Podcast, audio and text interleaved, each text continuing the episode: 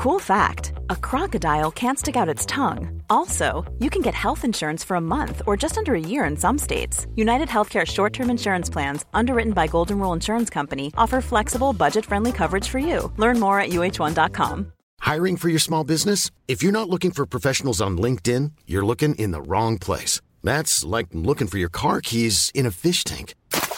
LinkedIn helps you hire professionals you can't find anywhere else, even those who aren't actively searching for a new job but might be open to the perfect role. In a given month, over 70% of LinkedIn users don't even visit other leading job sites. So start looking in the right place. With LinkedIn, you can hire professionals like a professional. Post your free job on linkedin.com slash spoken today. Hey, I'm Ryan Reynolds. Recently, I asked Mint Mobile's legal team if big wireless companies are allowed to raise prices due to inflation. They said yes. And then when I asked if raising prices technically violates those onerous two-year contracts, they said, what the f*** are you talking about, you insane Hollywood ass?" So to recap, we're cutting the price of Mint Unlimited from $30 a month to just $15 a month. Give it a try at mintmobile.com slash switch. $45 upfront for three months plus taxes and fees. Promo rate for new customers for limited time. Unlimited more than 40 gigabytes per month. Slows. Full terms at mintmobile.com.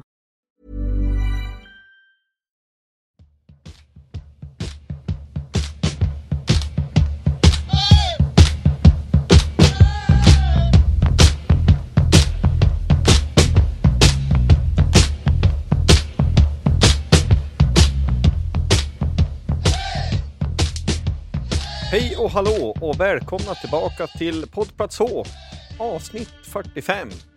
Den podd som vi har med hockey i allmänhet, sport i allmänhet och ishockeyföreningen Björklöven i synnerhet. Vi sitter här, jag och eh, Niklas. Hur är läget, människa? Ja, men det är väl fina fisken tycker jag. Jag ska inte alls klaga. Jag tycker att det är, det är rätt bra måste jag säga. Hur är det med dig?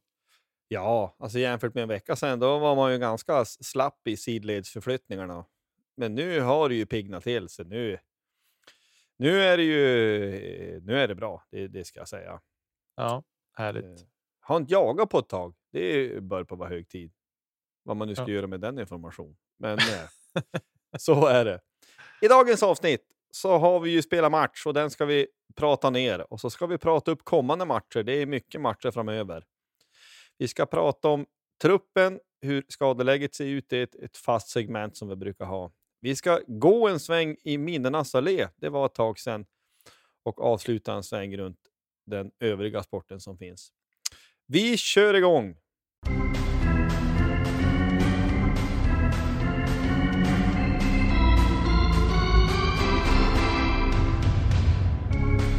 Vi mötte Djurgården borta. Eh, och vi, jag ska inte säga städa av det, men nästan så kändes det. Vinst 2-6. Stabil bortaseger ska jag säga. Vad var din upplevelse av det där?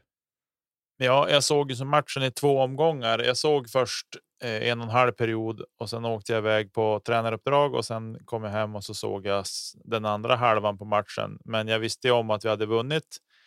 Eh, men jag tycker ju att vi gör, alltså när vi är bra och påslagna, då spelar vi den här typen av hockey. Och jag vill säga på det sätt som vi spelade igår.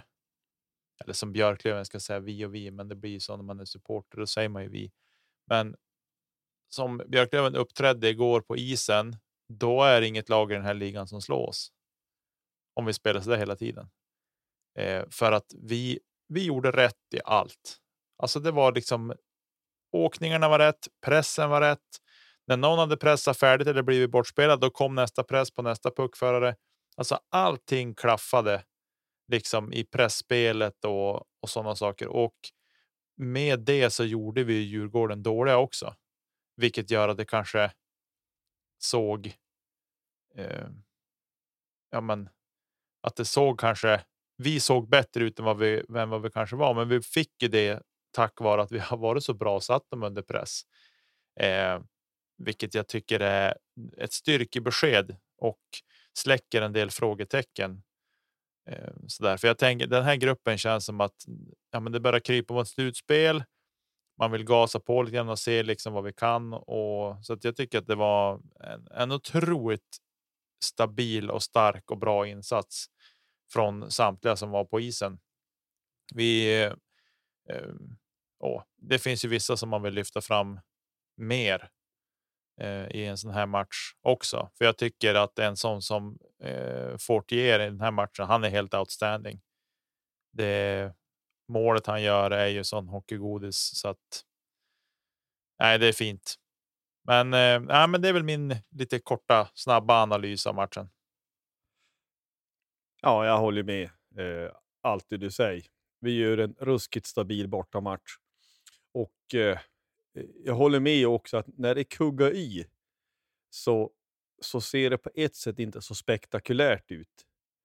Och vi, man kan ha åsikter att det går lite långsamt och lite, eh, lite eh, inte minst liksom, ja, från våra backar när vi sugtag i pucken. Men vi, i, i stora hela så tycker jag att vi håller Djurgården på utsida mer eller mindre hela tiden. Vi ska ha klart för oss att ja, men Linus Klasen, han var ju mer eller mindre outstanding i slutspelet i fjol i Luleå. Så det är ju ingen dålig spelare de har. Han lyckas vi hålla hyfsat kort. Även fast man märker att han har ju enorma kvaliteter. Så, så tycker jag ändå att vi, vi lyckas försvara oss bra, höll dem på utsida och det är ingenting eh, att, att, diskutera om egentligen. Och det här gör vi också nu med eh, i praktiken tre linor. Mm. Alltså vi har det skadeläge vi har, vi har de spelare vi har och en del spelare som är ombytta får ju knappt spela. Så att vi, vi går runt på, på färre folk, ändå gör vi en sån eh, stabil insats och jag tycker att det är såklart det är fullständigt eh, rättvist. Men om man ska gå igenom lite grann. Vi, ja, vi börjar bakifrån. Jona är ju fortsatt enormt stabil. 93,3 procent. De två han släppte in är i powerplay. Båda är ju Elliot som dunkar dit Stefan. Och eh, det är ju, han ser ju ingen av dem. Nej. Det är, det är, två, det är två bra powerplay-mål, det är ingenting att säga om. Nej, precis. Det är liksom så här, hade han fått se de där puckarna, då hade han tagit dem. Nu fick han inte se dem. Han fick se att spelaren höjde klubban. Det var det man, de man har fått sett reprisbilderna från bakifrån mål så förstår man ju att den där, det är helt hopplöst för honom. Han liksom kan ju bara sätta sig ner i blockig position och liksom hoppas på att han får pucken på sig. Men det är ju välplacerade skott, så det är otroligt fina hockeymål. Det går inte att säga något annat. Precis. Um, nej, men det, det är ju eh, en sån här match också. Jag hade kontakt en del med en, en uh, Djurgårdskompis som vi satt och skrev till varandra lite under matchen. Att vad, han trodde, vad jag trodde och han trodde att... Uh, ja, jag, det är så oerhört klyschigt, men alltså första målet kändes ganska viktigt. Få första målet och också inte eh, släppa till kvittering eller vill säga, hålla en period ut och så, här, så att du, ja, men du får leda och känna att du har ledning. Gärna in i en paus. var ganska viktigt. Hade de gjort första så hade nog också känslan kunnat vara annorlunda. Nu kan vi verkligen ställa upp och försvara ordentligt när vi leder och på bortaplan. För det är också den här känslan, det du säger, i din eh, kortare analys där att vi, när vi spelar som vi ska och inte minst på bortaplan. Vi, vi känns som att vi är lite gjorda för att spela borta på ett sätt. Eh, Modo borta likadant. Alltså när vi får ställa upp och det behöver inte vara så fancy pansy utan vi kan slå sarg ut och vi kan, vi kan försvara oss. För det är ju väldigt, väldigt tydligt den här matchen det här med uppspel längs sargerna. Är det något av de första bytena som ja, Rahim är väl slå en stenhård Ja, det går till icing. Ja, men det, den ska gå där. Mm. Och då får det bli icing i så fall. Men vi ska inte slå några blindpass in i mitten eller eh, diagonalt eller någonting, utan där ska pucken fram och där ska pucken ut. Då blir det icing. Ja, men då tar vi teckning i egen zon i så fall. Ja. Exakt. Nej, men jag tycker väl att det var väl ett par gånger ibland som man man har känt. Jag har tittat lite grann på eh, en del grejer från Mora matchen också som vi spelade förra fredagen eh, igen. Eh, och liksom eftersom jag var på plats så har jag sett den stötvis i efterhand, spolat lite grann och så där. Eh, och där tycker jag ju ett par gånger att vi har ett par chanser att spela enkelt. Alltså, spela den bakom mål till en back som kommer att bli satt under press med ryggen mot banan, men ändå kommer ha mer tid på sig att hantera en sån puck som kommer efter sargen. Det tycker jag vi gjorde bättre i den här matchen. De gånger det, det skedde. Eh, för jag tycker i morgon, det tycker jag var en katastrof. Det är som att ni pratar inte med varandra på banan heller. Alltså det var som att det var tyst. Eh, Och någonstans så känner jag väl att det är de här grejerna som det måste bara funka i hela slutspelet. Alltså vi får inte börja tumma på, på de grejerna. Och som sagt, det är enklare att ta eh, en icing och få börja om med chans på att vinna teken istället för att man kladdar och så blir vi fastpressade och så blir vi läng- lång tid i egen zon och ja, allt vad det där är. Eh, men eh, jag tycker som sagt, vi nötte ju som ner Djurgården. Vi gav dem ingen riktig tid i egen zon när de hade puck och inte mittzon heller, utan vi hade som press över hela banan och när de väl då kom in i anfallszon, då har man inte så mycket kräm kvar och, och kunna etablera. Och det är det som är skillnaden mot när man kanske tycker att ja, men vi lyckas inte med pressspelet utan då får motståndarna åka upp ganska enkelt och etablera våran zon och då blir det jobbigt att spela hockey. Det är liksom inget konstigt.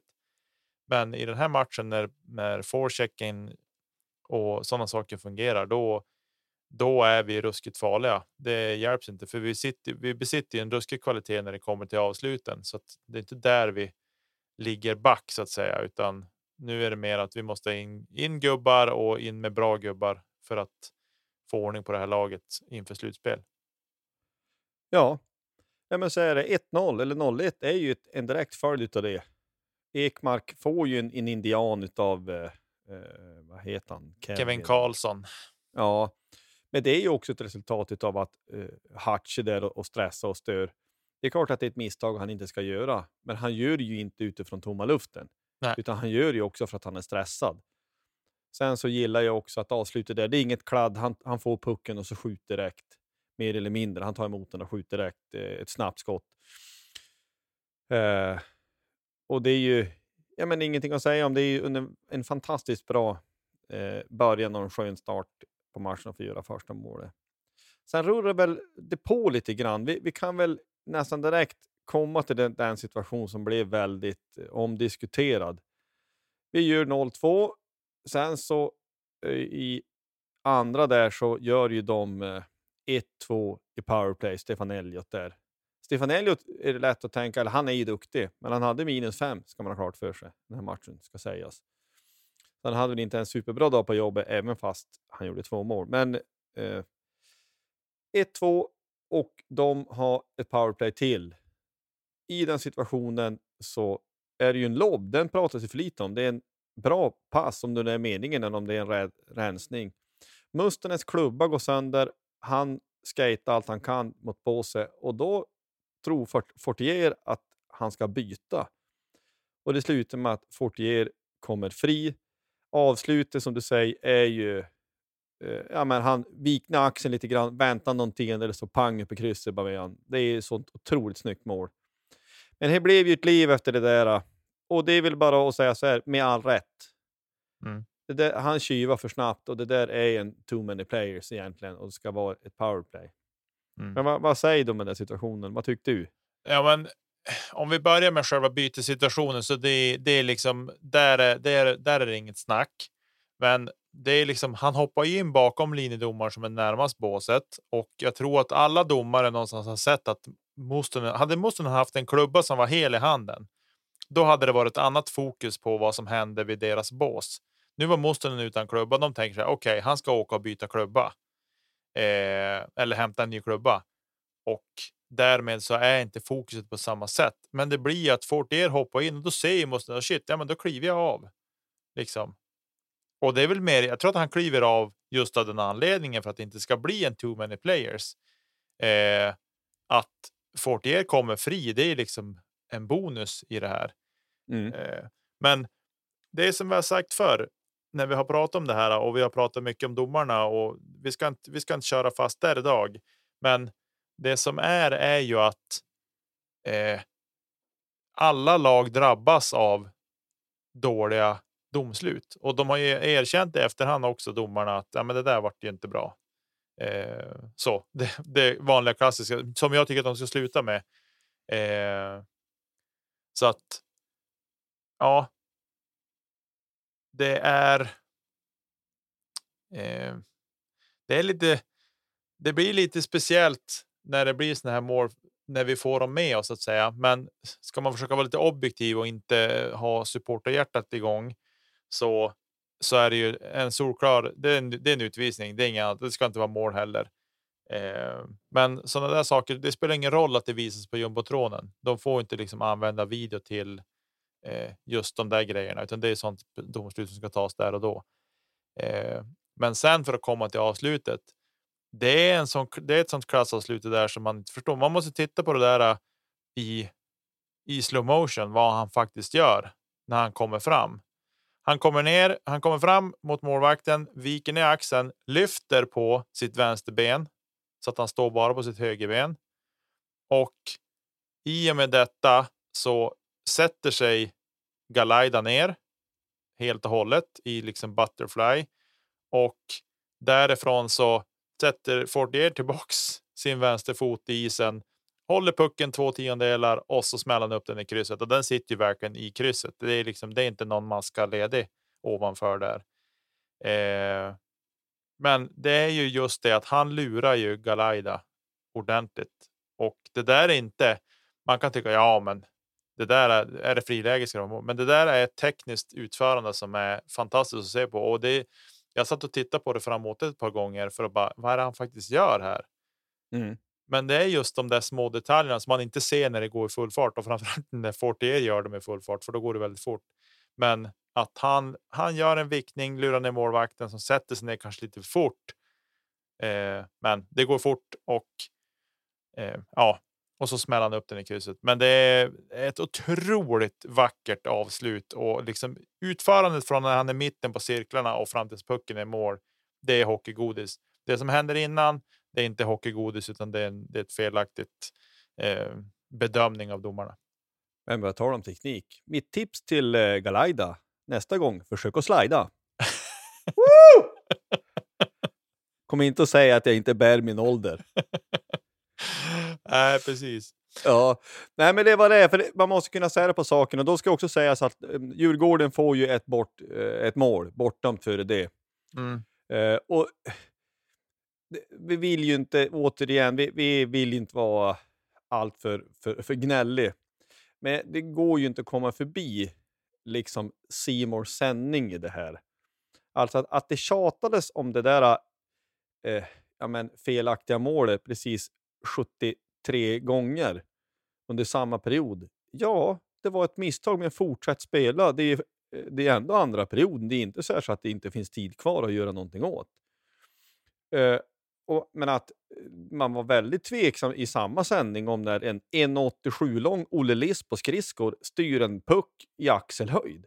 Ja, bedömning eller tolkningsfråga? Nej, det är ju helt solklart att den är över. Ja, alla vet att det är ribban som är referenspunkt. Ja, men du kanske kan räkna ut ungefär hur högt det där är. Om eh, det är Olle Liss i, i, sin egen axelhöjd på skridskor. Hur högt är ett hockeymål? Hur lång är Olle Liss? Ja, och Kronholm det, det, också som är bredvid där har ju klubban uppe vid sin axel. Även om han står lite knäböjd så har han ändå skridskor på sig och han är ganska reslig den mannen. Så att, ja. nej, det är inget snack. Nej, att, att man ska göra någon slags förmildrande, att ja, man gör bedömningen. Nej, man konstaterar att det är en superhög klubba, punkt. Mm. Det är ju helt självklart. Ja, så att... Mm, Nej, det är som jag... du säger, man måste kunna hålla flera tankar i huvudet samtidigt och kunna även som, som en eh, nu, supporter till Björklöven, jag hade flyt med domsluten där. Men alltså, sett över hela matchen så kan jag tycka att det powerplay i och för sig som det här målet görs i, det är väl inte helt såklart. Det är en halvbillig utvisning som de får. Mm. Så att ja, det ska vara 5 mot 3 eh, som nu det vart, vart dömt. Ja, men skulle de ha haft powerplay överhuvudtaget? Ja, är det helt såklart? Alltså allting är en bedömning, det är det som är poängen man, man missar en too many players, men det är ju inte så, så att båda är 10 meter in på plan. Mm. Den är klar, men det är inte, att, det är inte den värsta tjuvning man har sett. Nej, nej, nej. Nej, det är det inte. Det är det ju inte. Men sen är det också det, det som jag tyckte, det tänkte jag faktiskt på när, när det var den här höga klubban också. Så liksom Garpenlöv som står på någon sorts bänksystem bakom spelarna och står ju högt upp. Liksom. Eh, mm. Det är klart att från hans vinkel så ser den inte hög ut för att han tittar uppifrån. Så jag bara, ja, men det är väl inget konstigt. Det är väl mål. Alltså han liksom så här, det är väl klart att det är mål. Men jag tror att när man tittar på reprisen efterhand så är det liksom, ja, nej, men det är inte. Jag, jag fattar att de att de ledsnar på eh, att Fortier hoppar in, men tar bort det målet, då, då vinner vi med 5-2. Ja. Så att, Ja, men det kan bli lite, lite eh, ensidigt fokus på en sån sak. Ser man på det stora hela på, och på den insatser, eller de insatser som båda lagen gör så tycker inte jag någonting att det här är... Jag tycker det inte är någonting att diskutera om överhuvudtaget. nej, Eh, jag, Björklöven hade vunnit i vilket fall. Det Ja. tror jag. Och jag tycker också ska man se på, eh, jag menar på avslut om vi är inne på det, jag men, Nick Schilke, alltså att vi har en sån spelare nu, passa på alla lövare och njutet av det här. För det är inte ofta man får se en sån sinnessjukt bra spelare i vårt lag. Jag vet inte om man kan säga så att det är den bästa vi har haft sen, eh, sen Sasha. Men det är ju nästan som man vill dra till med en sån, i alla fall någon som är så dominant och som är så fruktansvärt producerande eh, över tid på en hel säsong. Jag menar, Sasha är den bästa spelare vi har haft, mer eller mindre, i alla fall sen, eh, sen 80-talet. Men eh, det, ja, vi, det, ja, det, det är otroligt. Men målet han gör, det, det är som ingen snack. När man ser att det är han som kom fri, så är ju den spontana känslan, men han sätter han ju. Ja, det Nu, nu, jag ja, också. men nu, han sätter ju inte all, alla frilägen, men många. Ja. Och sen är liksom, han vickar bara till med handen, bara pang upp i krysset med han. Det är inget krångel, skjut bara. Ja. Äh, det är, vilket snabla mål. Och sen måste man säga Sniper Rahimi. Det är otroligt ändå. Den är, det, är ett, det är också ett riktigt snyggt mål, för där har vi en back som har någon sorts kamp med en björklövare som sätter sig ner och täcker skottet, men som roterar runt lite grann och hamnar med ryggen mot Rahimi. Ja, men Rahimi är bara kall, håller i lite extra, drar in den mot fötterna lite grann och så skickar han iväg en handledare som sitter stenhårt på plockansidan för Galaida. Eh, och, nej, men det är ett urtjusigt mål. Det går inte att säga någonting. Ja, jag tror att det är kapten där som är eh, brott. Alltså, ser man på, på reprisen tror jag han är som halvt uppe och försöker som hoppa undan eller vad det är. Mm. Men det är, det är, det är liksom ett, ett bra hockeymål. Eh, men om man, om man ska dela ut lite plus på olika sätt. Jag tycker ju, eh, alltså Bengtsson, han får för lite cred. Han var ruskigt bra ikväll, eller hela den linan var ruskigt bra med, med han och Hatch. Eh, det är otroligt. Va? Mm. Tre assist gör han också. Mm. Nej, han var, han var riktigt bra i den här matchen. Eh, och jag tycker att hans. Den här skridskoåkningen han besitter, den har man ju sett, sett stundvis, men nu tycker jag att han, han som den kommer mer och mer. Liksom. I fjol tyckte jag det var, ja, men det var någon gång lite nu och lite då han liksom trampade. Nu är det som hela tiden. Får han pucken har läge att gå, då går han. Mm. Eh, och inte alltid att han måste bryta in framför mål, utan ja, men då tar jag loven runt. Få spelarna börja stirra på puck för det går lite fort. Målvakten måste följa med också och så hittar han någon liten fin macka in framför mål. Eh, precis som målet som Hutchings gör är ju ett sånt mål. Eh, när Bengan kommer ner bakom och eh, de blir lite puckstirrande i defensiven i Djurgården. Han slår in en fin puck rakt framför mål där Hutchings är helt ensam. Ja, det är Eh, väl Rensfeldt som går bort tror jag. Alltså de går på samma kille så att han kommer fri i slottet. Ja, de går två stycken som stöt ut mot Bengtsson och det. Ja. Men vi tackar och tar emot. Men det är ju sådana Ja. grejer som händer och det är så här. Är, vi har spelare också som gör misstag. Eh, och ibland är det liksom att ja, men ibland är det rena misstag, men ibland är det också att de blir lurade till att kliva på i ett sånt där läge. Så Ja, men det är vi, vi som... Ja, men vi gör ju så att de gör misstag. Ja, Och det, det måste man ju ha med sig. Det är inte bara att, att motståndet är undermålet om det nu skulle vara det, utan det är vi som är bra. Ja, men den linjen och eh, nya Ekmark här, Elliot, han ska ju gärna säga att han är kvar för resten av säsongen. Jag tycker han har varit en injektion och varit väldigt bra. ja. Det tycker jag också. Och jag tycker att det känns som att han behövs för han, han är bra på rören. Han har bra skott. Han kladdar inte så mycket. Liksom, det är inte massa onödigt, utan det är liksom. Ja, men kommer jag fri, då skjuter jag. Liksom, det är inte det här att man, man ska hålla på och göra massa dragningar hit och dit och så, utan jag tycker han, han är. Han är klinisk och rak som spelare. Ja, och han är bara 20 ska man ha klart för sig. Och har Mm. redan gjort det, eh, jag menar, det är väl upp mot eh, 100 SHL-matcher vad det är. Så att han är ju inte någon, någon rookie så, utan han, eh, försöka tvärkolla här lite grann bara. Ja, men eh, lite knappt. Så det, det är ju ingen... Det är en, en jättebra spelare.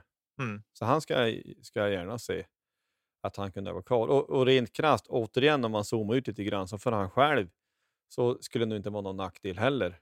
Linköping, han får uppenbarligen inte spela så mycket där. Ja, men spela med oss då så får du ju eh, speltid. Han har gjort bara sju matcher i år. Jag vet inte hur skadedrabbad han har varit eventuellt. Då. Ska man kanske ha läst på, men oavsett hur den är. Han var bra med den linan. Ekmark, Hatch och, och Bengtsson var ju väldigt bra. Mm. Eh, Fortier, ruskigt bra. Och det är ju det är, man ska ha med sig att det är, att få, få in den här secondary scoringen, att, att hela laget producera. Och vi ska ju klart för oss, vi rullar ju i praktiken på tre linor i princip hela matchen. Mm.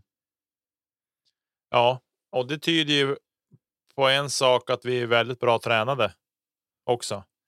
Eh, men med det sagt så är det lite oroväckande kanske, eller oroväckande, men det är inte så vanligt att man gör det i serien om man inte verkligen måste. Eh, men vi gör det i den här matchen och det är ett kvitto på att vi är bra tränare för tempot gick inte ner särskilt mycket heller, utan vi det tuggar på liksom och åkningarna satt där ändå.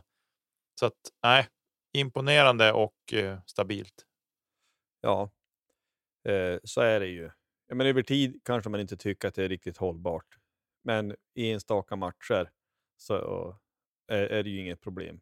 Det är väl som vi ibland nämner att vi kan tycka att men, ökar inte det här skaderisken. Och det torde väl göra både förslitnings men även så. Ja, spelar man mer så ökar ju risken, men det är väl också kanske roligare. Jag vet inte. Mm. Och, och få spela mycket. Stefan Öhmans grötätning, det är bra grejer. Ja, det kan vi konstatera. För Rahimi är den som har mest istid i matchen eh, med sina 20 och 49. Så han var lite mer än en period på isen. Hutchings hade också ganska mycket istid. Han var tvåa på listan och hade eh, 20 minuter ganska precis. Eh, och sen trippar neråt. Med, det är väl Hutchings som sticker ut som forward egentligen.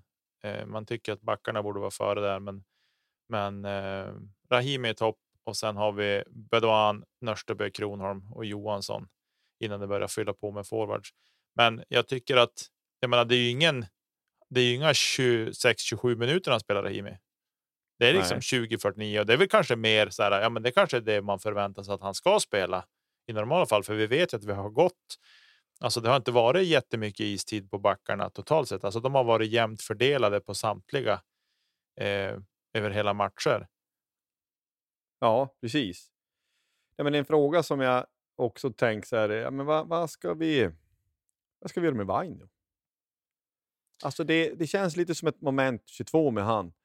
Man önskar att han kunde få sig någon sån här eh, vitaminspruta med självförtroende så han kom tillbaka till försäsongen första året han var här. När man tyckte att han åt så, eh, åkte så majestätiskt och tänkte nu vad är det för back vi har fått in. Och sen har det varit skadeproblem och mycket frånvaro och allt det här som vi har, har pratat om. Han har mycket hockey i sig, men han får inte ut det. Den här matchen till exempel, han spelar ju lite knappt åtta minuter och det är inte konstigt. Man, man, det känns lite som en säkerhetsrisk de gånger han spelar. Och samtidigt behöver man kanske spela en del eller spela mycket helst för att verkligen komma in i grejerna. Men spelar han mycket, då är det samtidigt en säkerhetsrisk. Alltså det blir ett, ja, det är ett klassiskt moment 22. Vad tänkte mm. du där? Nej, men det jag har slagits över med, med Vainio framför allt är att han tappar skäret så fruktansvärt mycket. Eller fruktansvärt mycket, men ovanligt mycket. Alltså jag tycker att när han ska trampa i, ja, men det är ju, alltså, det är ju nästan åtta gånger av tio som han tappar skäret och går i isen. Eh, det är som att han har för små skenor på skridskorna nästan, eller att han har dansskridskor med piggar fram. Jag vet inte vad det är. Det är som att det, det är ofta han druttar när han ska trampa i. Eh, och jag tycker att liksom en hockeyspelare på den här nivån ska inte ha de problemen med att tappa skäret, för det är ju mer eller mindre hela tiden. Man undrar så här, men har du gått på asfalt med skridskorna eller vad är det frågan om? Det är väl så det är väl det jag tycker, för jag tror att får han bara. Jag tycker många gånger säger ja, men nu tar han fart. Aha, då tappar han skäret. Eh, men någonstans känns det som att han kan väl vara en back att ha som backup. Det är lite där han har hamnat nu, eller att vi häver iväg och så får vi in någonting som är bättre och stabilare. Men. Eh, ja, jag vet inte. Jag tycker han är svårplacerad just nu, för det är som du säger när han kom så var det så här, men shit vilken back vi har. Men sen nu, sen alla skador och allting så har han ju. Tyvärr inte levererat som man har önskat. Alltså ens med de här basala grejerna tycker jag inte ens har funkat. Vilket är synd för att jag hade hoppats att han skulle kunna blomma ut ordentligt. Ja. Ja, ja alltså det där får man ju se. Man, man hoppas att han kan eh, få någon Lidnersk knäpp och att det liksom rättar till sig för honom. För att i grunden så finns det ju, vill vi ju tro, en, en helt fantastisk hockeyback där inne någonstans. Vi kanske inte behöver säga så mycket mer om tv-sändningen, mer än att jag gärna, som jag har lanserat förut, eller vi har lanserat förut, att det skulle kunna finnas en feed med bara arena ljud. Jag skulle önska det personligen. Ja. För det blir, i, I den här matchen där det är mycket, nu, nu, vi är biased, alltså vi fattar att det är så. Men det blir ett väldigt tjat om, om, eh, menar om Djurgården och Djurgården. Ja, de kom från SHL, men nu vart de, fick de, blev de ihopknölade av ett lag från Umeå på, på hemmaplan. Kanske man kan säga att de gjorde en bra match, eller? Det gjorde, det gjorde de i och, i och för sig, men det, ja, man ska inte... Eh, ja, vi, vi behöver inte, inte fastna där. Men eh, vi, vi, kan avrunda med tycker jag att jag eh, såg intervjun direkt efter matchen som Simor gör med, eh, eh, gör med Garpenlöv. Och sen så tittade jag lite sen idag på eh, Djurgårdens Hockeys Youtube-kanal lägger ut eh, deras, eh, de lägger ut eh, deras presskonferenser och de har också en intervju med, med ett par spelare. Och det, De upprepar ganska mycket det som Garplöv säger, att ah, men vi gör en ganska bra match, det är lite tillfälligheter, vi missar lite lägen. Och ibland tänker man så här, men alltså har ni upplevt samma match som vi? Ja. Alltså, eh, jag förstår att man inne mot sina egna supportrar och in i den egna föreningen och det egna laget vill hålla god min. Men att när man inte, ja, det, siffrorna blir lite stora, det, det kändes inte som en, en, en, en 2-6-förlust. Men vet, jag ska säga exakt vad det var. Det var en 2-6-förlust. Det var exakt vad det var. Det var varken mer, varken mindre. Det var en eh, den här matchen var exakt en 6-2-förlust för er. Ingenting mm. annat. Därför att det mm. var det matchen blev. Ja. Jag undrar om det är så nyttigt alla gånger. Ja. ja men jag tycker att någonstans så här att de... Och lite, Garpenlöv också så här, det är nästan samma visa som förra matchen när vi körde över dem fullständigt. Den här matchen var ingen överkörning på så sätt, utan nu var det mer så att ja, men, vi vann på grund av att vi var fruktansvärt bra idag och gjorde er dåliga. Eh, och han liksom, ja, första målet det är som ett individuellt misstag och ja, vi blir straffade hårt. Liksom så, ja, det, alla blir ett mål, ett mål. Det, man blir lika hårt straffad varje gång. Eh, så att, nej, jag tycker att det här äh, förnekelse eh, ledarskapet tror jag inte riktigt på. Vart den, vart den kommer ifrån. Nej, så fattar jag då också att de är, att de är stressade. Men vem blir inte det? är bara att titta på en tabell. De ligger femma. Och det är ett eh, glapp upp till fyran på sex poäng som är Södertälje.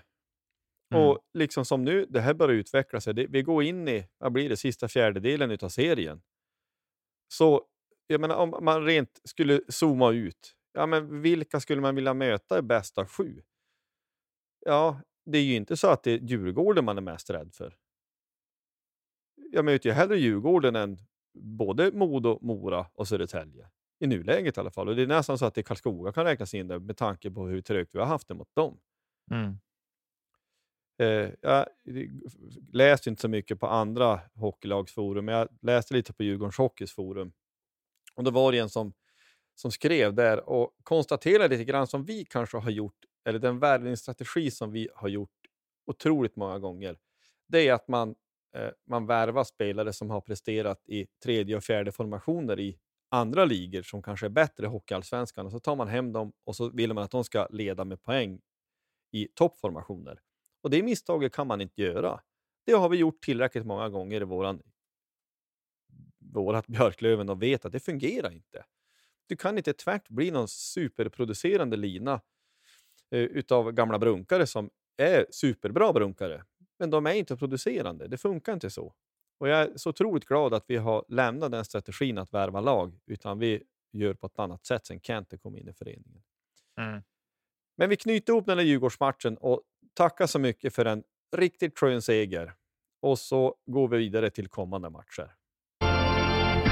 Det är hyfsat tätt på given i alla fall. Det är Östersund hemma fredag, Almtuna borta på söndag. Om vi börjar med de två, vad tänkte du där? Ja du, eh, Almtuna hemma eller borta och Östersund hemma. Jag känner Östersund hemma känner jag väl att eh, äh, men den ska vi. Den ska vi bara städa hem. Alltså jag tror att med tanke på att vi kunde vända mot Mora efter att det hade varit en hårblås i första paus och städa till sig så tycker jag att vi ska inte kunna komma ut på samma vis och jag. Jag tycker att det ska vara en. En stabil insats som gör att vi kan spela av en tredje period. Det är väl det jag önskar i den matchen. Eh, men Östersund har ju kunnat stöka till det för topplagen. Det är ju bara så.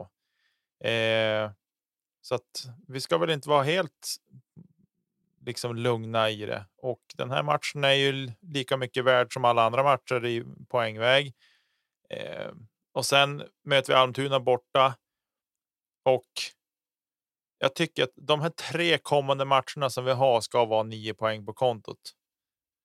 Eh, och sist jag sa att det var så, då åkte vi på en bortaturné och vi kom hem med alldeles för få poäng.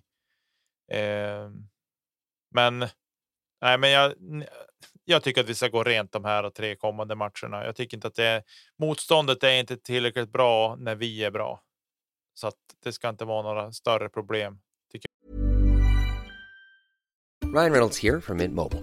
With the price of just about everything going up during inflation, we thought we'd bring our prices down. So to help us, we brought in a reverse auctioneer, which is apparently a thing. Mint Mobile unlimited premium wireless. Ready to get 30, 30, bit to get 30, bit to get 20, 20, 20, bit to get 20, 20, bit to get 15, 15, 15, 15 just 15 bucks a month. So, Give it a try at mintmobile.com slash switch. $45 upfront for three months plus taxes and fees. Promo rate for new customers for limited time. Unlimited more than 40 gigabytes per month. Slows. Full terms at mintmobile.com. I'm Sandra, and I'm just the professional your small business was looking for. But you didn't hire me because you didn't use LinkedIn jobs. LinkedIn has professionals you can't find anywhere else, including those who aren't actively looking for a new job but might be open to the perfect role, like me. In a given month, over 70% of LinkedIn users don't visit other leading job sites. So if you're not looking on LinkedIn, you'll miss out on great candidates like Sandra. Start hiring professionals like a professional. Post your free job on linkedin.com slash spoken today. Ja, ja jag, jag kan inte göra annat än att hålla med. Men, men också med det sagt, så om jag skulle få en rak fråga, eller om jag ställer en rak fråga, kommer att gå rent? Tror, tror jag att vi kommer att gå rent de här tre? Nej, det gör jag ju inte. Och det är inte alls i någon slags jinx, utan det är på något sätt att vi möter motståndare som any given Sunday och allt det här som vi babblar om. Att det, det kan bli något poängtapp, det kan bli någon overtime någonstans, det kan bli ja, några nå stökerier. Det vet man inte. Så att jag, jag, tyck, jag tycker att vi ska ta nio poäng, men jag tycker inte att det är givet på något endaste sätt. Eh, Östersund hemma, om man tar den, den ska ju definitivt, absolut, vi är på hemmaplan. Eh, och där, bör, där, där ska vi egentligen slå alla lag. Men eh, ja, man, man vet aldrig. Men de har gjort det väldigt bra, det måste man ju ändå säga. Eh, vi kan ju titta en, en tvärtitt på tabellen. Det har ju blivit en skiktning mellan plats 6 och 7 som är ganska tydlig. Mellan sexan som är Karlskoga och sjuan Almtuna, de som vi möter på söndags, så skiljer 11 poäng. Mm. Så det är verkligen en övre halva och nedre halva. Så det är ju nedre halva lag som vi möter och det kommer ju att bli ett race där, den saken är ju säker. Mellan sjuan Almtuna Tuna och 14 Västervik så, eh, så skiljer det 14 poäng. Och där är ju ett glapp mellan Vi- Västervik och Vita Hästen. Eh, tar man Vita Hästen då så skiljer ju bara Åtta poäng. Ja, så det är ju, ja, men det är ju ett par matcher en helg och sen så stökar det där om sig. Så har du, ja, det, där, det där kommer att bli väldigt intressant och förmodligen väldigt rörigt också innan det där är färdigt. Mm. Precis och vi kan ju konstatera nu är vi just nu i dagsläget så är vi nio poäng bakom eh, Modo, men de har ju då andra sidan två matcher mindre spelat än oss, eh, så det glappet kan ju öka såklart. Eh, och vi har en match mer spelad än, än eh, både Mora och Södertälje och Djurgården också. Eh, så att vi har väl någon extra vila att vänta här, tänker jag kanske. Eh, men, äh, men tabellen är, det är liksom, det är väl topp fyra eller topp. Modo är som avhängda uppåt så att säga, men sen är det Modo eller Björklöven, Mora, Södertälje är väl som inom samma eh, range så att säga. Ja, vinner de sina två matcher. Om de, häng, vinner de sina två matcher, ja, men då är de en poäng bakom oss eller två poäng bakom oss bara. Ehm, så det kommer att bli ett race om andra platsen också. Det känner jag mig rätt övertygad om. Så är det. Modo möter ju för övrigt Mora borta eh, nu samtidigt som vi möter eh, Östersund hemma. Och som Mora har gått som tåget så får man väl tycka att Mora är favorit i den där matchen egentligen. Mm. Möt Västerås sen hemma eh, på söndag. Ja, det, är, ja, det är mycket som ska... Det är ju matcher hela tiden så att det, det är lätt att spekulera. Modo har gjort en kanonsäsong hittills, det får man ge dem. Och eh, seriesegern ska vara, om inte annat, nästan helt säker i en liten ask. Men det ska spelas om då, det är många poäng kvar. Men det skulle förvåna mig mycket om inte de löste det där. Men eh, Eh, för övrigt är det lite konstigt det här med spelschema. Om vi nu möter eh, Djurgården onsdag, Östersund fredag, eh, Almtuna i Uppsala på söndag, hade man ju kunnat flytta en Östersundsmatch. Eller på något sätt så att man slapp fara emellan utan man kunde lägga borta en dag och möta Djurgården och Almtuna hemma. Nej, borta menar jag. Nu blir det vet. Djurgården och Almtuna på samma bortaturné. Är jag dum i huvudet som tyckte det? Nej, men det är väl det att om man flyttar man om en sån match, ja, men då, då är det liksom, då stökar det till sig någon annanstans. Det är väl det som är problemet. Vi ska se här. Eh, om vi hade istället fått möta Almtuna. Almtuna spelar ju borta mot Almtuna eller mot Karlskoga i morgon fredag. Eh, och sen har vi på lördag har vi ju då ska Karlskoga spela borta mot Djurgården. Eh, och sen då. Ja, det är ju. Östersund ska jag spela hemma mot mot ska spela hemma på söndag mot Mora till exempel. Så att jo, det finns väl. Eh, man skulle kunna pussla till det här så att det hade blivit bättre.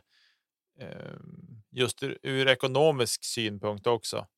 Att det kanske är bättre att ligga borta två nätter då. Eh, om de har flugit ner för att spela då i, i Almtuna på fredag och sen flyga hem. Men ja... Det är vad det är, men man, man tänkt tanken i alla fall. Eh, Almtuna borta, det är ingen walk in the park. En kall ishall. Och ehm, får se, det, den är lite olämplig tid. Jag vet inte om jag hinner dit. Och sen jag ska jag heller säga, jag vet inte heller hur riktigt, alltså jag är ju mycket friskare, men hur pigg jag är vet jag inte heller om man ska sitta och flacka 50 mil fram och tillbaks. Och stressa dit, men jag, jag har någon slags idé om att jag, jag vill dit. Jag är inte säker om den realiseras. Men det är ju, eh, det tycker jag en sån här match, den kan sluta lite hur som helst. Jag tycker att vi är favoriter. Men ja, men Almtuna gnetar på där. Så att, eh, ja, ja, jag har inget mer ju- att säga om det riktigt. de har ju de har Kimby som tränare och han vet ju att han har kunnat stöka till det för Björklöven tidigare. Eh, så att det är ingen lätt bortamatch det där. Absolut inte. Eh, så att vi får väl se lite grann vad som vad som händer där. Eh, och sen då har vi ju på på onsdag. Har vi då Tingsryd hemma första februari och ja, men Tingsryd som vann mot oss 4-2 hemma för något tag sedan. Där vi inte kom ut. Det året var inte alls bra. Eh, nej, det känns som att vi har revansch där och, och, och vinna och jag tycker att. Ja, det, är- det är en, vi har en motståndare som ska bryta ner och men med det sagt så känns det som att nio poäng är inte ett orimligt krav. Och, och, men vi ska börja med Östersund nu. Vi börjar där och tar hand om den matchen och se till att vinna tre poäng där och sen tar vi nästa. Bryta ner det till till varje match som lite klyschigt. Ja. Så. Ja, men eh, Tingsrydsmatchen, om man, om man tar den så tycker jag absolut att där har vi ju revansch att kräva. Och, som man ska ha sagt i Värmland, då vill man ju se böttgas. Från Ja. start, då är det ju ingenting annat, utan då, då är det liksom hem och kräva att ja, men det här med att göra massa mål i första perioden, ja, men det kan vi göra. Eh, Mm. Någon slags sån reaktion skulle man vilja se. Det är roligt Exakt. att det är i alla fall tätt omgiven på matcher, för det är matcher som är kul. Så att eh, eh, vi, vi kanske har pratat klart om just de här och, och roligt att vi kliver på redan idag. Då, då tar vi dem. En liten sväng i, i truppläge. Vi hör ju att eh, Wiklund och Olofsson de tränar ju på is. Och vad, vad jag förstår så är det ju inte omöjligt att Olofsson gör, gör eh, comeback snart. Ja, det vore ju fantastiskt. Om det är så. Ja, och det Eh. vet kanske folk bättre när, när det här avsnittet, när ni lyssnar nu här nu. Men det, det vore ju otroligt roligt om, om det vore så. Men om vi tillåter oss att spekulera, okej då, han, han kanske ska smyga igång med lite, lite byten innan match. Vad, vad tänker man där då? Så då får man väl liksom skynda långsamt och eh, hur, undrar hur det skulle kännas mentalt i så fall. Var rädd att få en smäll till. Ja, men det är väl just det som är att jag tror att han. Jag tror att vi, vi kan inte förvänta oss någonting av, av honom. Eller vi kan väl förvänta oss för vi vet att han sitter på bra egenskaper. Men vi ska inte lägga någon press på honom att han måste leverera. Det är väl lite dit jag vill komma. För jag tror att det, det är nog. Det är nog blir nog liksom. Eh, utan att han vill det själv så blir det nog att kroppen blir lite mera avvaktande och tillbakadragen om man kan säga så eh, i närkampssituationer för att liksom inte få en smäll och vad händer om jag får en smäll? Hur kommer det att kännas? Eh, liksom så att. Men. Otroligt glädjande att han är tillbaks i träning och att han är på is och kör och att han kanske snart kommer att göra comeback. För jag känner att Olofsson är en sån spelare som liksom gör andra bra. Han kanske inte spottar in så mycket poäng, men han gör andra bra. Han gör ett jobb som gör att andra får ytor att göra sitt. Och jag känner även att han eh, liksom. Ja, men man saknar honom i powerplay också. Tycker jag. Jag tycker att i första powerplay ska han gå in före Postler till exempel. Det är en, en sån sak. Ja, och sen så kollar man på statistiken. Vi hade mycket, mycket klart minus på teckningar på, mot Djurgården till exempel. Mm. Eh, så att hans, hans eh, teckningsförmåga är någonting som vi också i vissa lägen behöver helt uppenbart. Nej, men det vore ju fantastiskt om det vore så. Men, eh, men eh, vi, vi får se det där. Vi, vi kunde ju se också att eh, Lindgren, han var med laget med till Stockholm. Eh, Mm. Och det var ju jätteroligt. Jag hade en kompis som pratade med honom också. Och det vart väl inte så mycket sagt där. Men bara att han var med vill man ju se som positivt. Och han visste ju, det kan jag säga, han, han visste inte om han skulle spela den här säsongen eller inte. Men att man blir lite som den här memen från Dum Dummare. So you're telling me there is a chance. Ja. Eh, nästan så.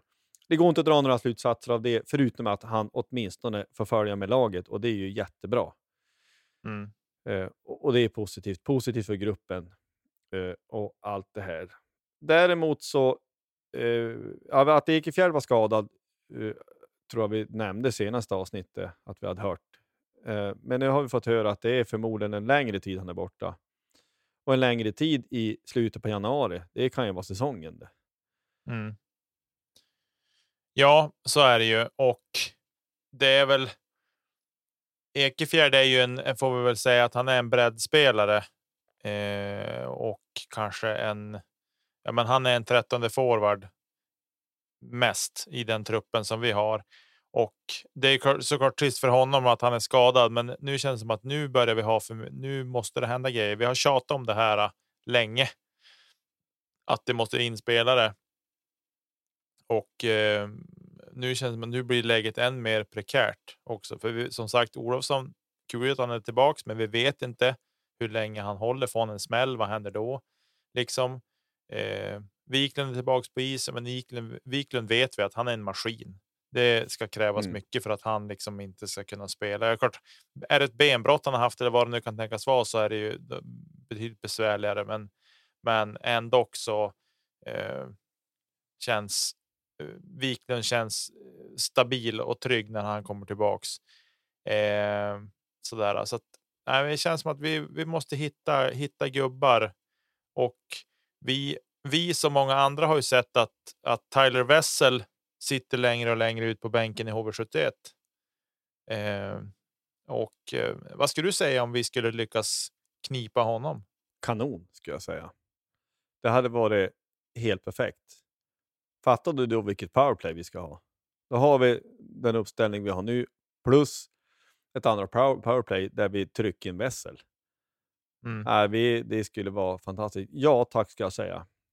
Eh, nu står det ju eh, i värmländsk media idag att, eh, att ehm, Färjestad var, Ja, var lite precis. intresserad. Eh, Jag sitter ju, det var Värmlands Folkblad eller vilken det var. Det var någon av tidningarna här som, där det stod att de siktar på han. Och det är ju, de är ju vad jag förstår hyfsat skadedrabbade också. Men det är ju en ren breddvärvning för dem i läget som de är. Och jag Mm. kan tänka mig, låt bli Wessel. Ni får väl hitta bredd i ett eget A och Jun i så fall. Eh, säga helt neutralt. Inte alls eh, med någon slags baktanke, utan det som är bäst för svensk hockey. Ja, Nej. precis. Nej, men skämt, alltså, det, det vore en kanonförstärkning för oss, tror jag. Det vore helt perfekt. Och det är, han, han känner folk i laget och allt det här. Han, han spelar Europa nu mycket och skulle gå lä- lätt att liksom slida in i vår line-up, tror jag. Mm. Men det är väl klart att han vill som alla andra spela så högt upp som möjligt. Men om man zoomar ut lite grann i den här, det börjar dra ihop sig, det är väl knappt tre veckor kvar. Eller vad det kan vara, eller det kanske är ja, lite knappt tre veckor kvar ut till transferfönstret stängs. Att det börjar bli mer och mer stressigt och man märkte både hoppas sig på sig själv men också på andra supportrar på, på hur det blir liksom att ja, men Modo de drar in, ja det kan vi nämna då, Nick Halloran for dit då från Timrå så nöp de han. Ja, men varför var inte Kente där? Och när det var Brickley och när det var Vela och när det var eh, gud vet allt, liksom alla möjliga. Ja, men vad gör, gör Kente egentligen? Men jag tror inte att, alltså Kente sitter inte på latsidan. Det såg man för övrigt från sändningen, han hade ju datorn med sig. Han hade ju Mm. uppe skärmen. Jag tänker han kanske satt där på Elite Prospects och, och kollade stats eller någonting. Nej, men att, att få in rätt spelare är viktigare än att få in snabbt. Det har vi tjatat om förut.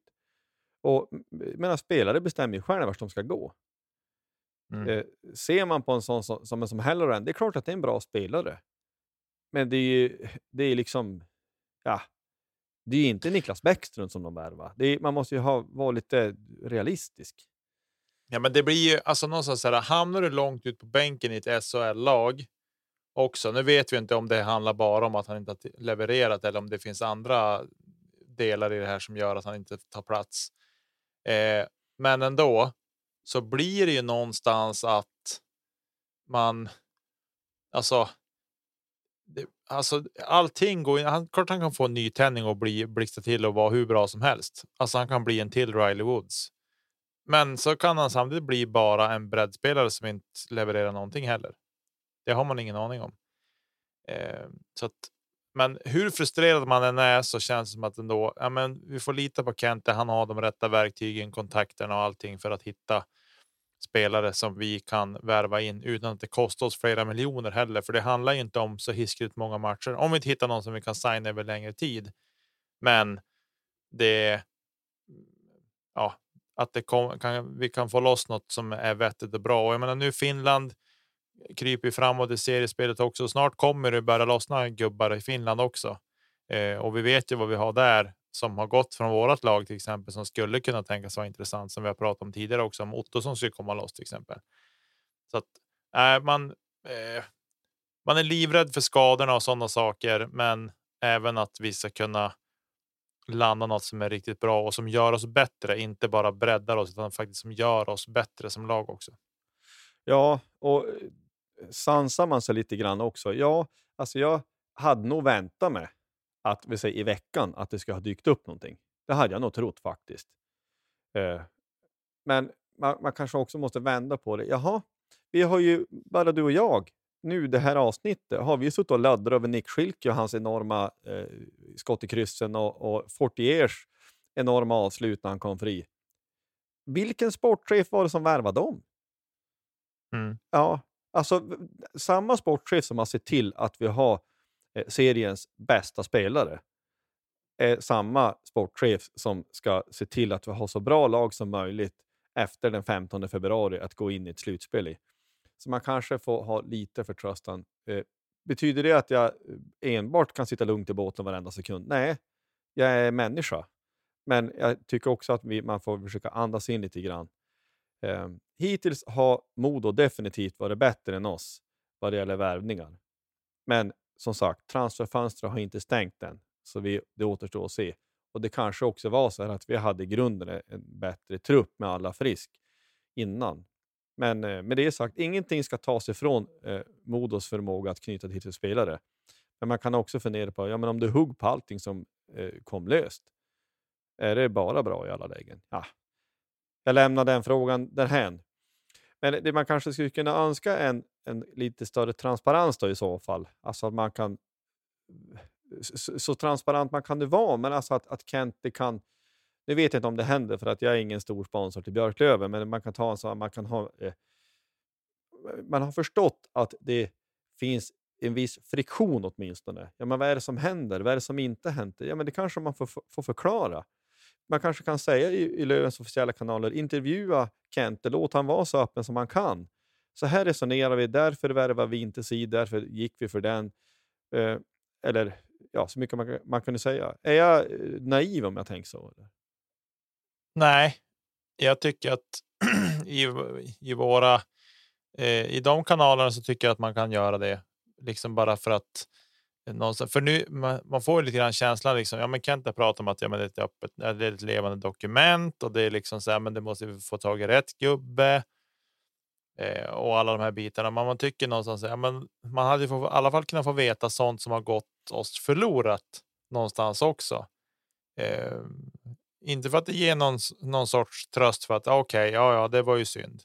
Och, men det är lite, lite tunt med transparens från, från sportchefen och, och så tyvärr.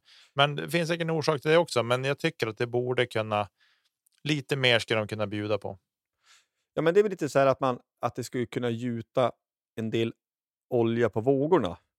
Alltså när det går högt. Och vi, vi fattar att, att supportrar inte är de mest eh, kanske eh, nyanserade i alla lägen. Men det kanske skulle kunna vara bra för att, men för att man ska kunna förstå. Sen så kan man inte säga allt. Man kan inte säga alla kontrakt som man eventuellt har erbjudit folk. Och man, det, det fattar ju vem som helst. Men att och säga åtminstone någonting. I det stora hela vad det gäller skador och vad det gäller allt det här är det bra att kansliet inte läks som ett såll. Men det hör ju också baksidan i att man kanske ibland ändå skulle kunna eh, säga åtminstone någonting. Men vi lämnar det därhän.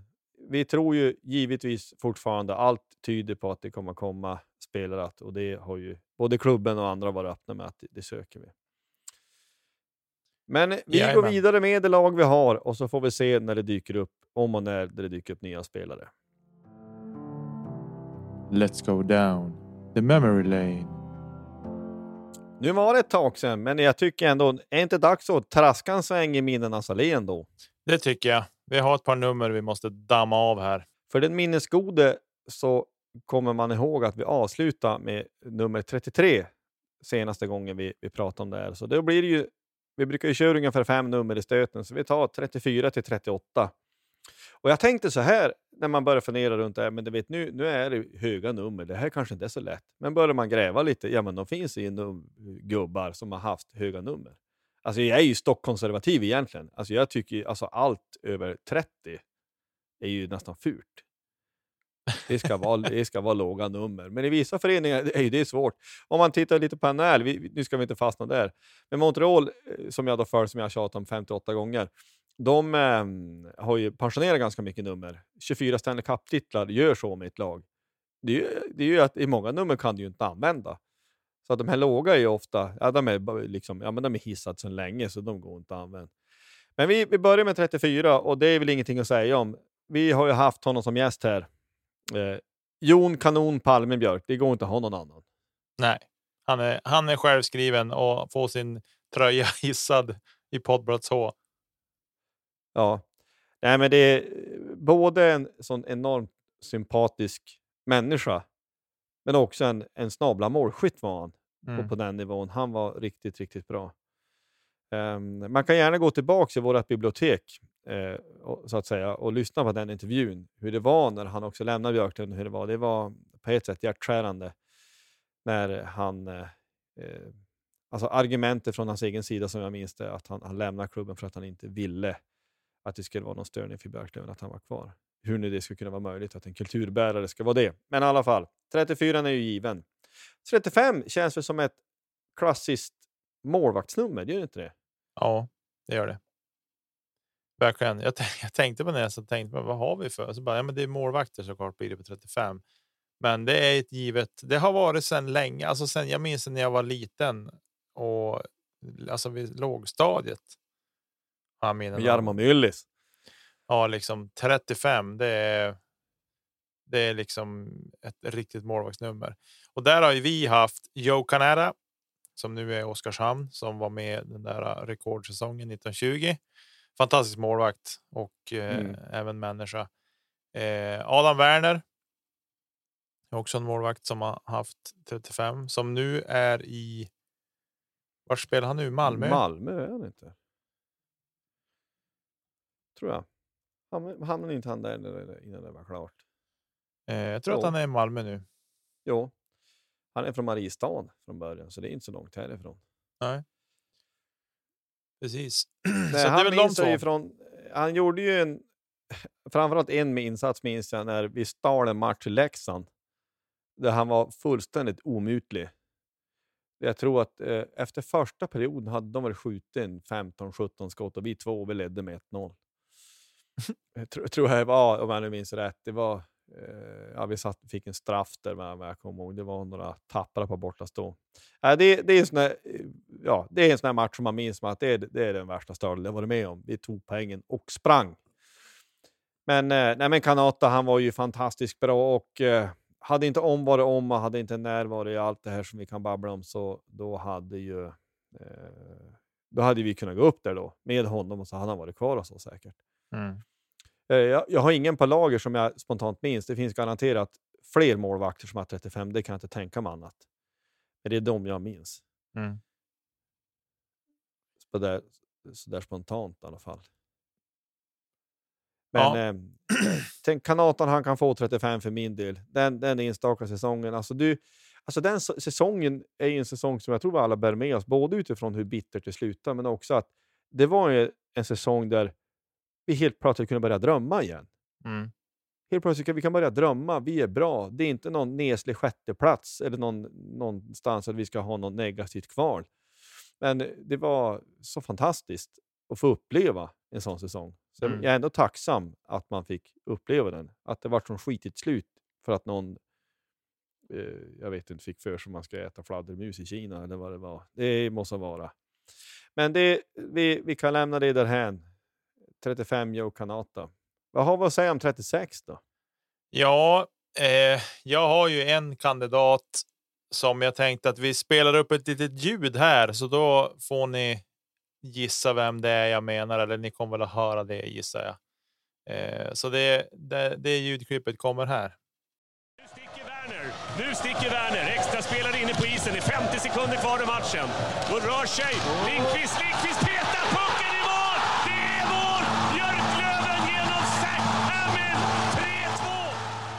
Ja, Zach Hamill är för mig i alla fall en som eh, känns eh, eh, viktig att nämna i alla fall. Ja, men viktig att nämna, det är ju helt givet. Det där målet enbart får man ju alla ståpälsar i världen som finns.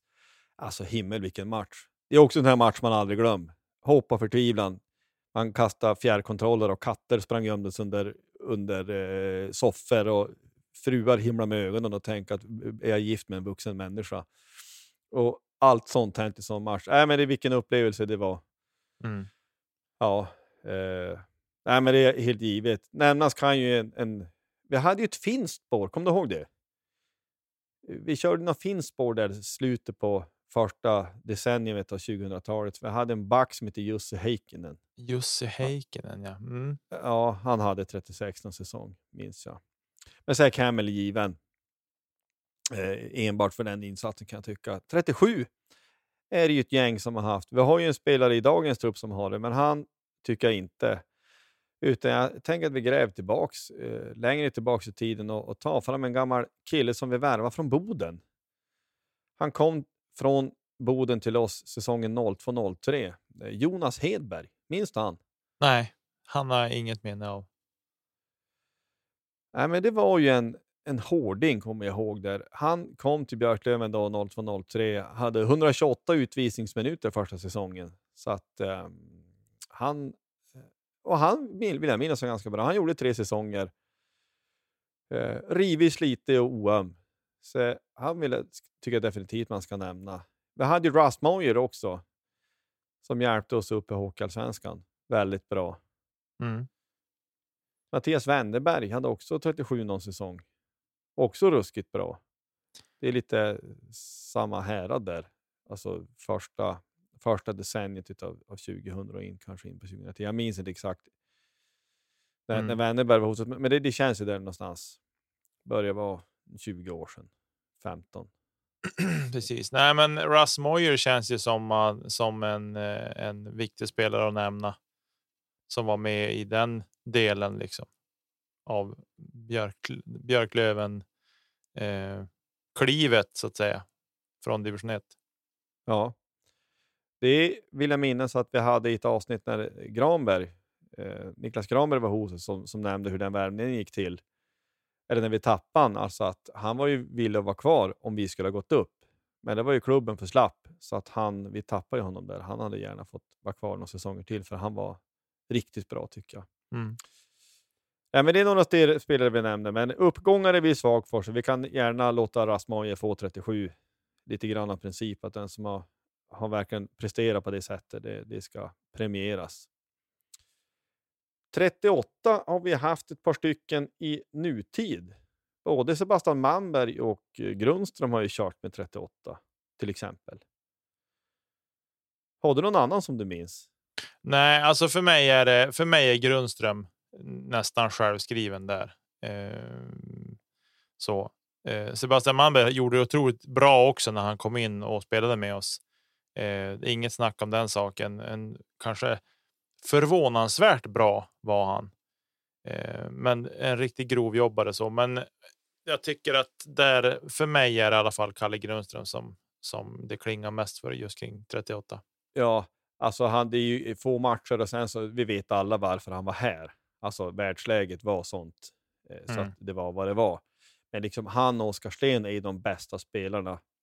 Eh, liksom i, som, som har rent krasst de kvalitativt bästa spelarna. Ja, i och för sig nu kanske Schilke måste man nästan snöa in där i och för sig, för han är så snabla bra eh, med, med andra importer den här säsongen. Men det är som kvalitet, men det är lite speciellt. Men jag vill gärna slänga in en, en slamkrypare som ska nämnas, som hade nummer 38.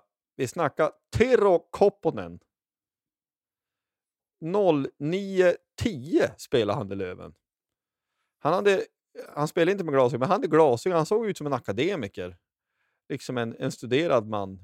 Och eh, jag minns någon match jag bara såg han hängde någon friläge där. Eh, jag vet inte om folk riktigt minns men han producerade ändå hyfsat. Han gjorde 26 poäng på 51 matcher den säsongen. Han gjorde bara en säsong.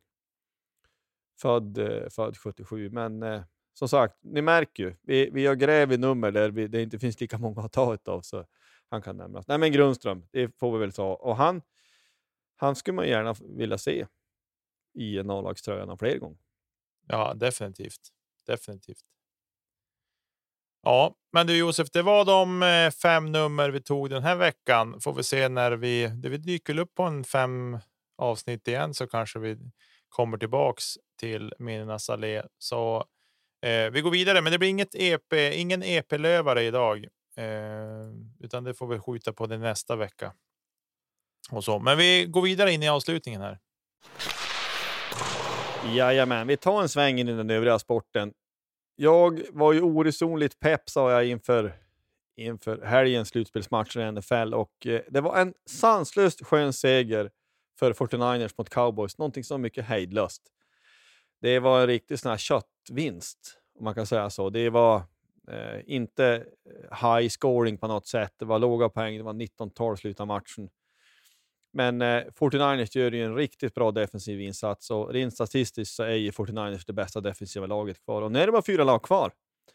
Man möter Eagles i NFC på sin sida, slutspelsträdet om man kan säga så. Så är det Kansas City som möter eh, Cincinnati. Bengals på sin sida. Och nu är, det ju, nu är det ju bara grymt bra lag kvar. Jag tror att det kommer att vara ganska jämna matcher, alla matcher som är kvar, oavsett hur det än går. Philadelphia jag räknas som favoriter tycker jag. De spelar också på hemmaplan. Men det är ju det här klassiska att man ska spela om det. Mm. Det som fortfarande är lite osäkert, och det är ju, det är ju en eh, Cinderella story, det kommer inte ifrån. Det är ju quarterbacken Brock Purdy som eh, tog sist i draften, har vi nämnt tidigare, som eh, har kommit in och startat och vunnit alla matcher han har spelat. Mm. Han var inte superdominant på det sättet, Nej, men han gjorde det som krävdes. Mm. Ibland behövs det inte mer. Och Det är det här uttrycket man har ibland, att ja, men du behöver inte gå in och vinna matchen åt 49ers i det här laget. Det räcker med att han inte förlorar den. Mm. Så kan det andra ta hand om sig själv. Och nu när de ska spela Philadelphia får man ändå slänga in, man, kan, man kanske skulle kalla för Brocky Purdy. Woo! Nu Jag igen. bär, jag, jag bär min ålder. ja, det måste vara. Nej, men det, det rekommenderar jag alla att se för den som är intresserad. Eh, jag vill också på, fick lite från vänster här att vi kunde förra veckan ha nämnt att i den tyska ligan så vann Adler Mannheim med 5-1 hemma mot München. Det var en kompis som hade varit dit och rest och sett på tysk hockey. Eh, och det hade, vi, det hade vi också Stefansson med oss här ju, som nämnde att han hade sett hockey i Tyskland. Så Mm. att det, det eh, fick se några bilder därifrån. Det är ju fantastiska arenor och allting. Så det är säkert en upplevelse att gå på hockey där. Och förmodligen bättre än vad man tror. Det är Ja, inte, Det, det tror jag också. Jag är helt med dig där. Jag tror också att det, det är nog bättre. Jag tror att man har lite förutfattade meningar om tysk hockey. Så där. Jag tror man ska behöva uppleva det för att fatta att det är inte så, så illa som det kan tänkas. nej. nej, men det är väl ofta så. Eh, I övrigt finns det inte så mycket att säga. Liksom det värsta, de, de, alla fotbollsligor de tuffar ju på och rullar på. Jag, jag ska ärligt säga att jag är mer intresserad av att nu har Degerfors värvat två målvakter så att de i alla fall har något att ställa i buren. De har någon serbisk mittfältare de har tagit in som man aldrig har hört talas om. Och så här. Sådana här värvningar som man hoppas ska slå väl ut. Ja, det hör man ju. Serbisk mittfältare det kan inte bli något annat än succé. Sätt, sätt en hockeyfrilla på honom också bara, då är man ju i mål sen. Ja, precis. Precis. Ja, men du Josef, jag tror inte vi behöver köta så mycket mer just nu, utan jag tänker att vi har rundat av det här avsnittet här och eh, ja, säger stort tack till alla som lyssnar på oss och eh, väl mött nästa vecka igen. Det ska ni göra. Vi kan också säga att vi, har ju, vi finns på sociala medier. Eh, följ oss på Twitter, eh, följ oss på Instagram, vi finns på Facebook och eh, vi har också en mejl, poddplatsh.gmail.com om man vill nå oss där. Eh, tack för att ni lyssnade. Eh, dela oss och allt det här så blir vi jätteglada. Men vi har bara att säga i övrigt, Forza Löven. Hej då!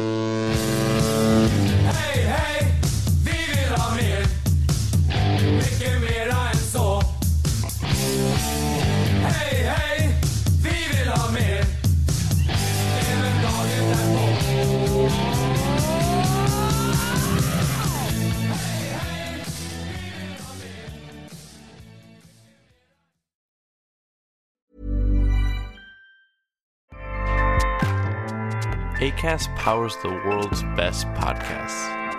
Here's a show that we recommend. The Real Housewives is a guilty pleasure for most, but if you're looking to not feel guilty about that pleasure, tune in to Everything Iconic with me, Danny Pellegrino, where I break down all the messy moments and behind the scenes antics of Bravo's popular franchise. And on Everything Iconic, I also interview celebrity guests like Kelly Ripa, Kiki Palmer, Drew Barrymore, Cameron Diaz, and more about their guilty pleasures, their past work, and so much more. So if you're pop culture obsessed and find yourself watching way too much reality TV like me, tune in to Everything Iconic with Danny Pellegrino wherever you listen to podcasts.